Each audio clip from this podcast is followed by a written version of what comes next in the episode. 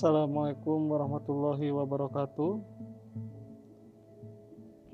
Bismillahirrahmanirrahim. Ini adalah bulan Ramadan. Banyak dari kita berlomba-lomba dalam kebaikan, dan tidak sedikit sebagian Muslim tidak melaksanakannya. Oh, ruginya orang-orang yang menyia-nyiakan kesempatan pahala berlipat di bulan Ramadan yang tidak akan dia dapatkan di bulan-bulan lainnya. Ada anak bertanya pada bapaknya, "Ayah, bagaimana cara mengenal Allah?" Anakku, Salah satu cara mengenal Allah adalah dengan memperhatikan alam. Banyak ayat-ayat Al-Quran yang mengajak, bahkan menuntut manusia agar memperhatikan alam sekelilingnya. Allah berfirman di dalam surat Al-Baqarah ayat 164.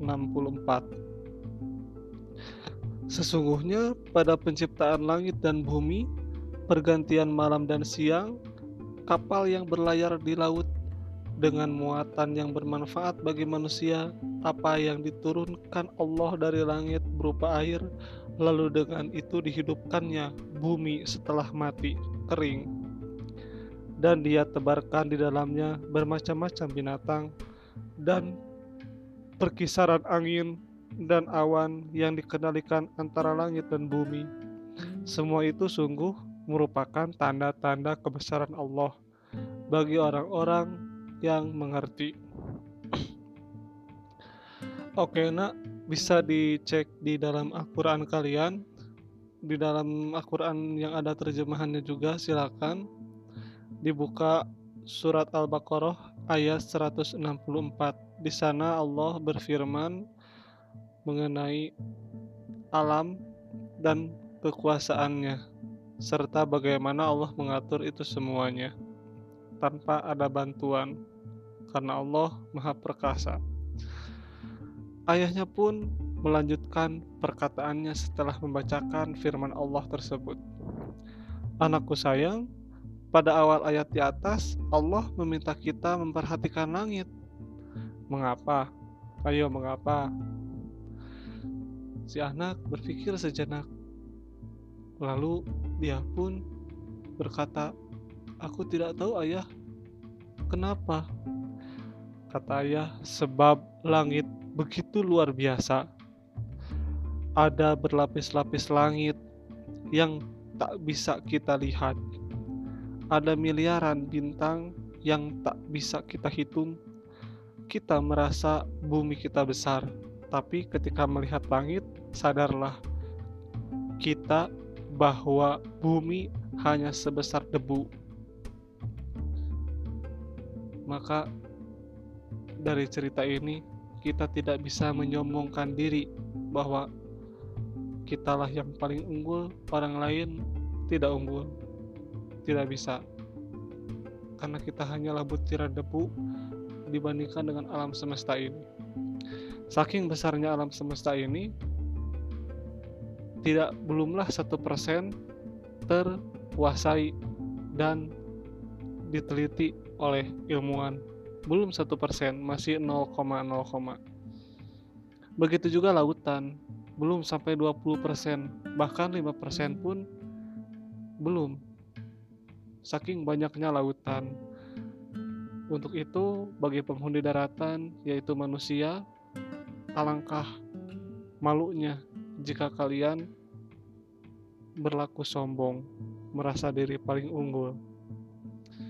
Dan satu lagi, manusia dari sejak awal penciptaan sampai akhir zaman tidak akan pernah bisa menyaingi teknologi berkekuatan 100% teknologi tiada zaman yang menandinginya tiada lain adalah Sulaiman alaihi salam mungkin kita merasa canggih punya Android mungkin kita merasa canggih punya gadget laptop. Tapi di zaman Nabi Sulaiman lebih dari itu. Mungkin kita merasa bangga punya Apple. Mungkin kita merasa unggul mempunyai benda-benda seperti perhiasan. Di zaman Nabi Sulaiman lebih dari itu. 100% kekuatannya, 100% juga kekayaannya. Di situlah kita tidak bisa menyombongkan diri. Sombong hanya dapat dilakukan oleh orang-orang yang yakin dan percaya bahwa dirinya adalah yang paling unggul. Kalaulah menemukan orang yang lebih unggul darinya, sombongnya tidak berlaku. Begitupun dengan makhluk-makhluk Allah lainnya. Tidak bisa dia serta-merta mengaku diri sebagai orang yang paling bisa. Karena itu bertawaduklah jika kalian ingin sesuatu yang bermanfaat, tanyakanlah. Janganlah sok tahu, janganlah mentang-mentang sekolah mentang-mentang punya orang tua pintar, kalian menguasai lingkungan kalian tanpa memperhatikan kesalahan, tanpa memperhatikan kekeliruan yang ada pada diri kalian sendiri. Kekeliruan dan kesalahan pada diri dapat dilihat, dapat dikoreksi melalui dalil-dalil Al-Quran, hadis, dan ilmu mantik. Ilmu mantiklah yang dapat mengukur apakah orang ini layak untuk berkata sombong, apakah orang ini layak untuk berbangga diri, maka belajarlah ilmu mantik untuk mengasah kemampuan berpikir kalian. Itulah yang dapat saya sampaikan pada bagian satu di awal cerita tentang alam.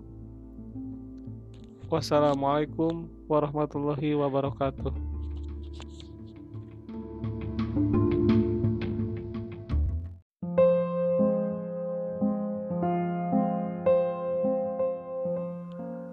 Assalamualaikum warahmatullahi wabarakatuh. Ini adalah cerita bagian yang kedua mengenai mengenal Allah Lama setelah Rasulullah wafat, Bunda Aisyah, istri Rasulullah Shallallahu Alaihi Wasallam pernah ditanya, peristiwa apa yang paling mengesankan saat bersama Rasulullah Shallallahu Alaihi Wasallam? Sambil menangis, Bunda Aisyah menjawab, semua yang beliau lakukan mengesankan. Pada suatu malam Rasulullah berkata kepadaku, Wahai Aisyah, izinkan aku beribadah kepada Tuhanku. Aku berkata, demi Allah, aku senang berada di sampingmu, tetapi aku senang juga engkau beribadah kepada Tuhanmu. Maka beliau pergi berwudu. Tidak banyak air yang beliau gunakan. Lalu berdiri melaksanakan sholat dan menangis hingga membasahi janggut beliau lalu sujud dan menangis hingga membasahi lantai, lalu berbaring dan menangis. Setelah itu, Bilal datang untuk mengumandangkan azan subuh. Bilal berkata, bertanya kepada Rasul, apa yang menjadikan beliau menangis, sedang Allah telah mengampuni dosa beliau yang lalu dan yang akan datang. Rasulullah SAW menjawab, Aduhai Bilal, apa yang dapat membendung tangisku padahal semalam Allah telah menurunkan kepadaku ayat. Sesungguhnya dalam penciptaan langit dan bumi dan pergantian malam dan siang terdapat tanda-tanda kebesaran Allah bagi yang berakal. Surat Al-Imran ayat 190 Sesungguh celaka siapa yang membacanya tapi tidak memikirkannya itulah yang Rasulullah sedihkan yaitu penciptaan langit dan bumi pergantian malam dan siang terdapat tanda-tanda kebesaran Allah bagi orang yang berakal. Coba kita lihat orang berakal melihat kalau langit itu satu dan orang yang lebih berakal lagi, orang yang memikirkan lagi bahwa langit itu langit itu tidak satu. Kalau dikaji secara mendalam, langit itu berapa lapis-lapis sampai tujuh lapis. Sehingga kita bisa menemukan di langit kedua itu ada Nabi Isa alaihissalam yang nanti di akhir zaman akan turun itu bagi orang yang berakal secara mendalam. Tapi orang yang mengetahui permukaannya saja, langit dan bumi, dipastikan dapat keraguan-raguan ketika mendapatkan ilmu baru selain dari Al-Quran. Makanya seseorang yang fokus pada Al-Quran dan Sunnah, ia akan menemukan berbagai keajaiban, mutiara kehidupan, dan juga manfaat hikmah yang ada dalam Al-Quran itu sendiri masuk ke dalam sanubarinya, masuk ke dalam hatinya. Maka dari itu, langit tidaklah satu, langit tidaklah lapisan satu, langit tidaklah bisa dilihat hanya dengan mata telanjang, tapi dibutuhkan akal untuk melihat lapisan-lapisan dari langit itu. Begitupun dengan bumi. Jika bumi disadari oleh orang yang berakal bahwa bumi itu juga berlapis-lapis dan terdapat kebesaran Allah di sana serta makhluk-makhluknya dan kita tidak bisa mengetahui semua yang ada di bumi itu. Orang yang berakal secara mendalam akan menyadari kebesaran Allah ketika ia mengetahui dua saja lapisan bumi dan ia akan terheran-heran karena kekuatan mengetahui seluruh langit dan kekuatan mengetahui seluruh bumi itu di luar kemampuan manusia yang dapat mengetahui yang pernah mengetahui seluruh langit dan bumi adalah Nabi. Karena Nabi diberikan mukjizat. Sulaiman alaihissalam, Rasulullah SAW, begitu begitupun dengan nabi-nabi lain sesuai dengan apa yang dia butuhkan dan pergantian malam dan siang. Bagi orang yang melihat satu pandangan saja, malam terlihat gelap. Ke mana mataharinya pergi? Patar kese diganti hidupnya kese diganti he dalam Hindi. Ke mana matahari pergi? Kenapa malam munculnya bulan? Kenapa? Dan orang yang berakal secara mendalam ia akan berpikir bahwa malam itu bukan perginya matahari, namun pergantian rotasi bumi. Dikala kita siang, maka Indonesia ya siang, maka Meksiko malam.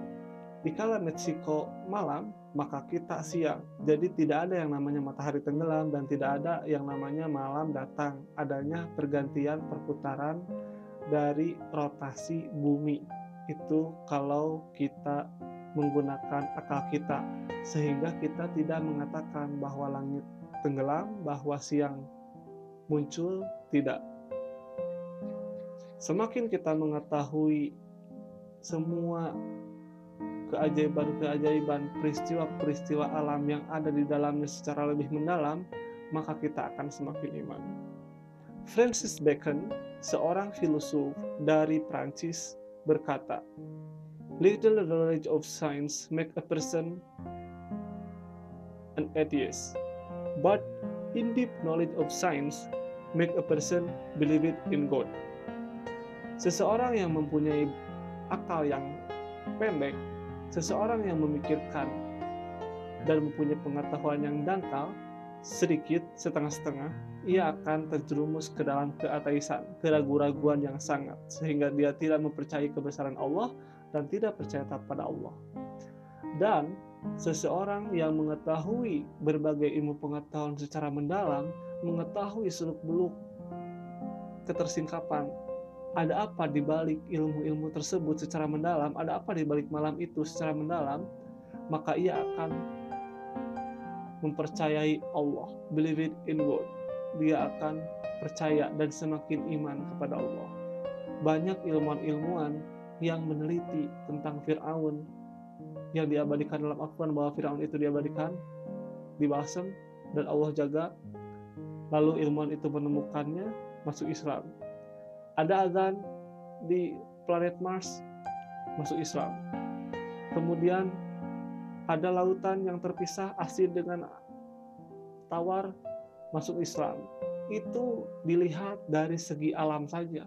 Belum dilihat dari segi hati, belum dilihat dari segi rasa, belum dilihat dari segi pengalaman spiritual. Masih banyak lagi keagungan-keagungan Allah. Ini baru tahap alam saja. Nah, untuk itu marilah kita pikirkan apa saja yang kita perhatikan di alam semesta ini, apa saja yang kita rasakan dari kebesaran-kebesaran Allah ini. Silakan difikirkan, silakan dirasakan. Wassalamualaikum warahmatullahi wabarakatuh.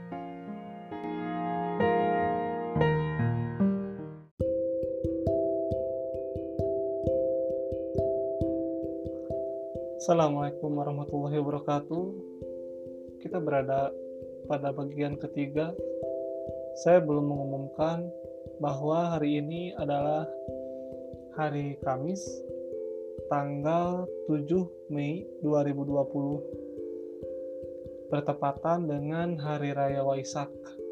Dan sekarang malam hari di langit pun cerah sekali, caang bulan, bulan purnama. Oke, kita akan lanjutkan di bagian ketiga tentang mengenal Allah. Setelah memperhatikan penciptaan langit, kita lihat langit itu berlapis-lapis. Kita lihat penghuninya siapa saja yang ada di atas sana, dapat dilihat ketika Nabi Muhammad Isra Mi'raj. Kita juga dianjurkan memperhatikan penciptaan bumi.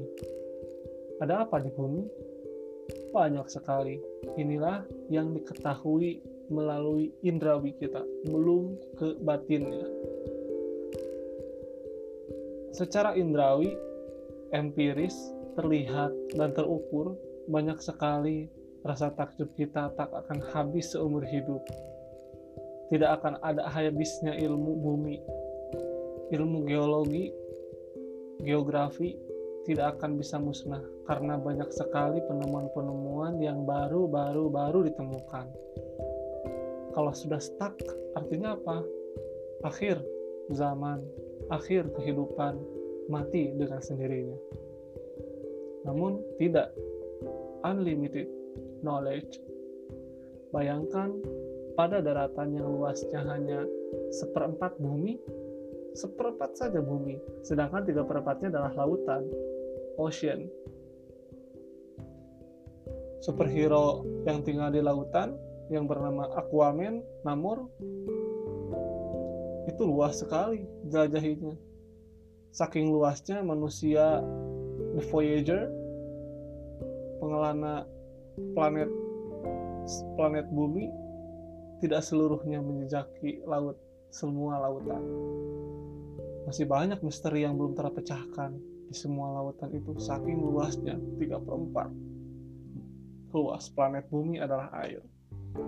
3 per 4 luas planet bumi adalah air. Namun sangat disayangkan lautan menjadi tercemar akibat ulah manusia yang tinggal di seperempat planet bumi pengaruhnya bisa sampai ke lautan pencemaran air laut penghancuran terumbu karang, telur-telur ikan yang hancur, masih banyak lagi. Jadi antara laut dan bumi harus mempunyai keseimbangan. Jika bumi menjadi dominan, daratan menjadi dominan, menguasai lautan, akhirnya lautan terkalahkan, rantai makanan tidak akan bisa ditemukan musnah-musnah juga manusia kalau seperti itu. Makanya dengan keseimbangan ini manusia dapat bisa bertahan hidup sampai berjuta-juta tahun. Wallahu alam. Terdapat banyak begitu kehebatan Allah di dalam tanah yang kita injak dan kita anggap kotor, kawan nyeker. Terdapat benda-benda amat berharga dan menakjubkan. Belerang, minyak, emas, perak, intan, besi, tembaga, dan lainnya. Ngomong-ngomong soal benda-benda yang ada di langit eh benda-benda yang ada di bumi belerang ketika kita berenam air panas tercium bau belerang ketika ke Gunung Papandayan yang ada di Garut tercium juga bau belerang. Karena apa? Karena di dalamnya belerangnya dekat dengan tanah yang kita injak. Kemudian minyak. Posisi minyak panas tanahnya. Dan bisa mengeluarkan api jika ada percikan dan pemicu panas sehingga bisa menyembuhkan api secara abadi. Banyak video yang memperlihatkan api abadi, padahal itu bukan api abadi, melainkan adalah minyak yang ada di dalam dan terdapat percikan api sehingga apinya tidak padam-padam itu kehebatan dari tanah yang ada minyaknya. Kemudian di dalam tanah yang ada emasnya apa? PT Freeport yang ada di Papua. Emasnya tidak habis-habis.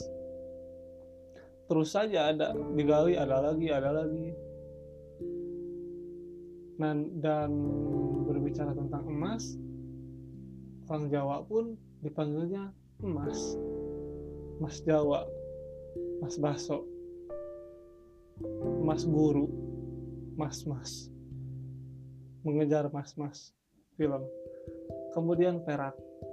Di perak ini tidak ada manusia yang namanya perak. Yang ada emas panggilan itulah. Kakak artinya. Perak perak itu sering dipakai untuk mendali kemenangan juara dua kalau juara satu emas, juara dua perak, juara tiga perunggu.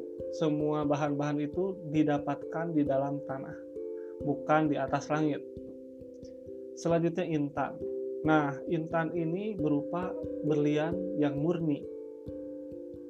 Nama orang juga ada yang dinamai intan, kebanyakan perempuan.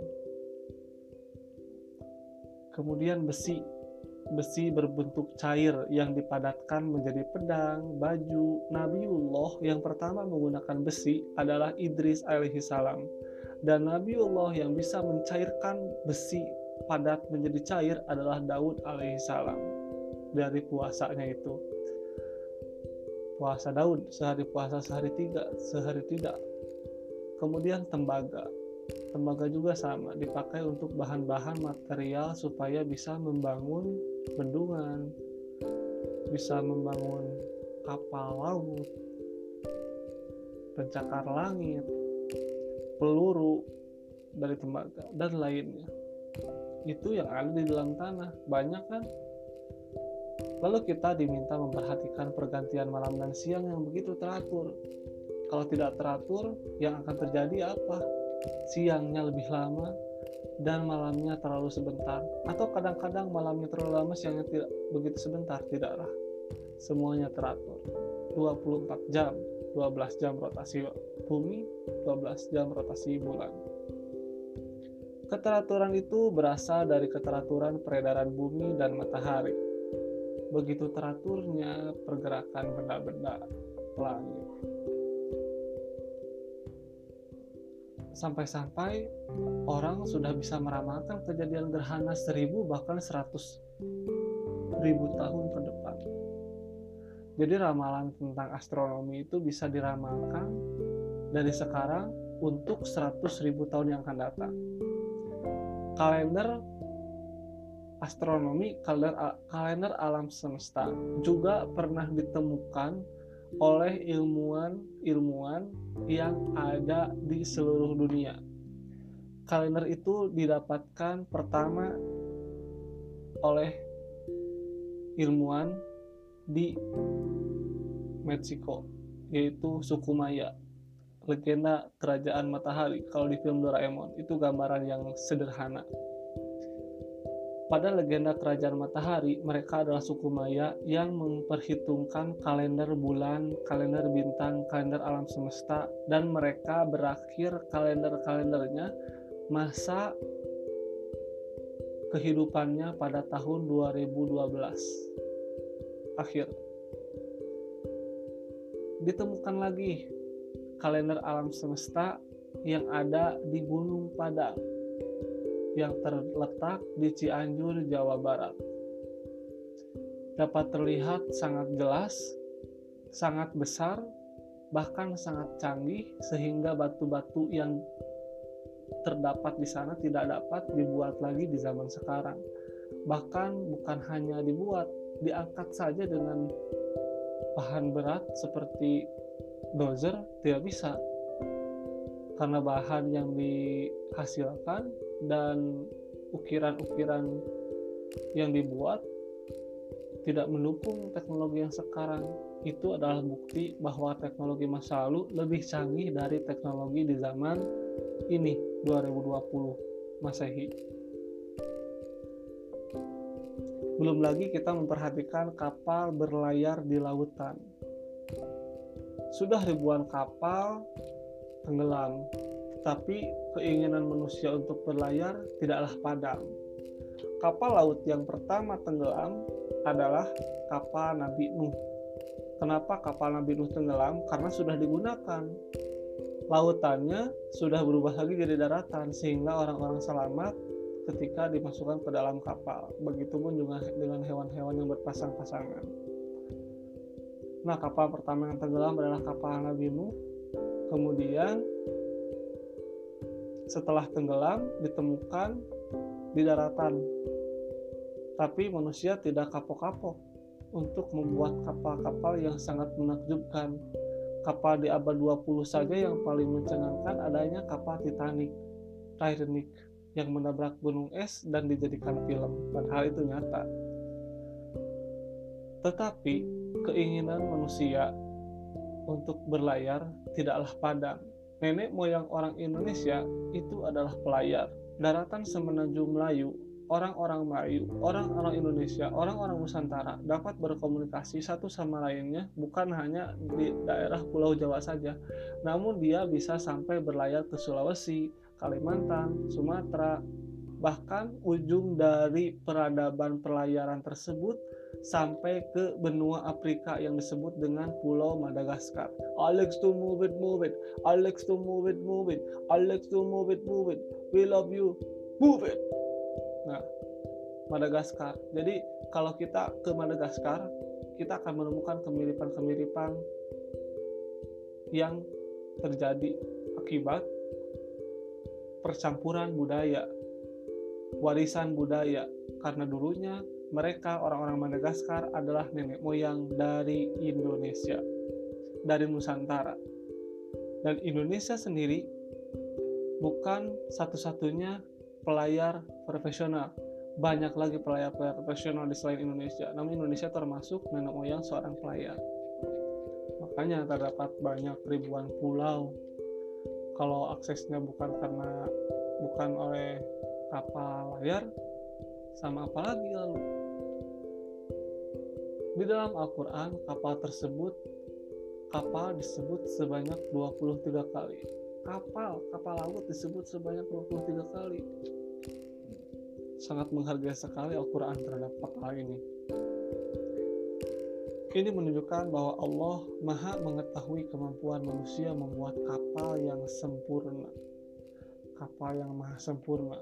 Kita bayangkan kapal pertama yang memuat begitu banyak binatang berpasang-pasangan, liar dan pet and wild, liar dan jinak, manusia-manusia yang selamat.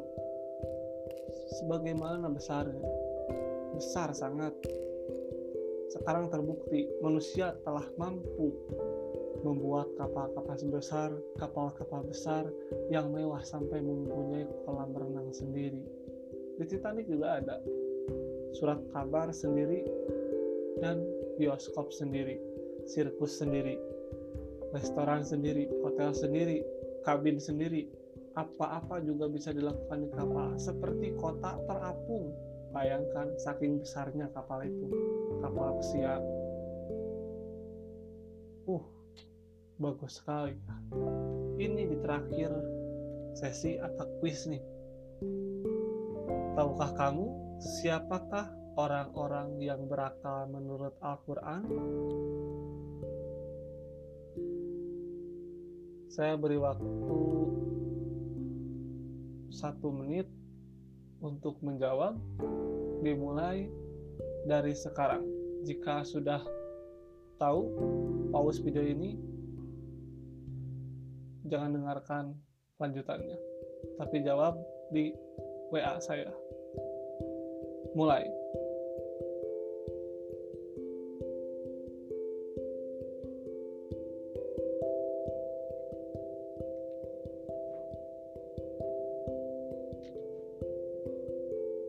lima empat tiga dua satu 20 detik lagi jika kalian masih berpikir dan menyerah atas pertanyaan tersebut jawabannya adalah orang-orang yang melihat kebesaran Allah melalui penciptaan alam.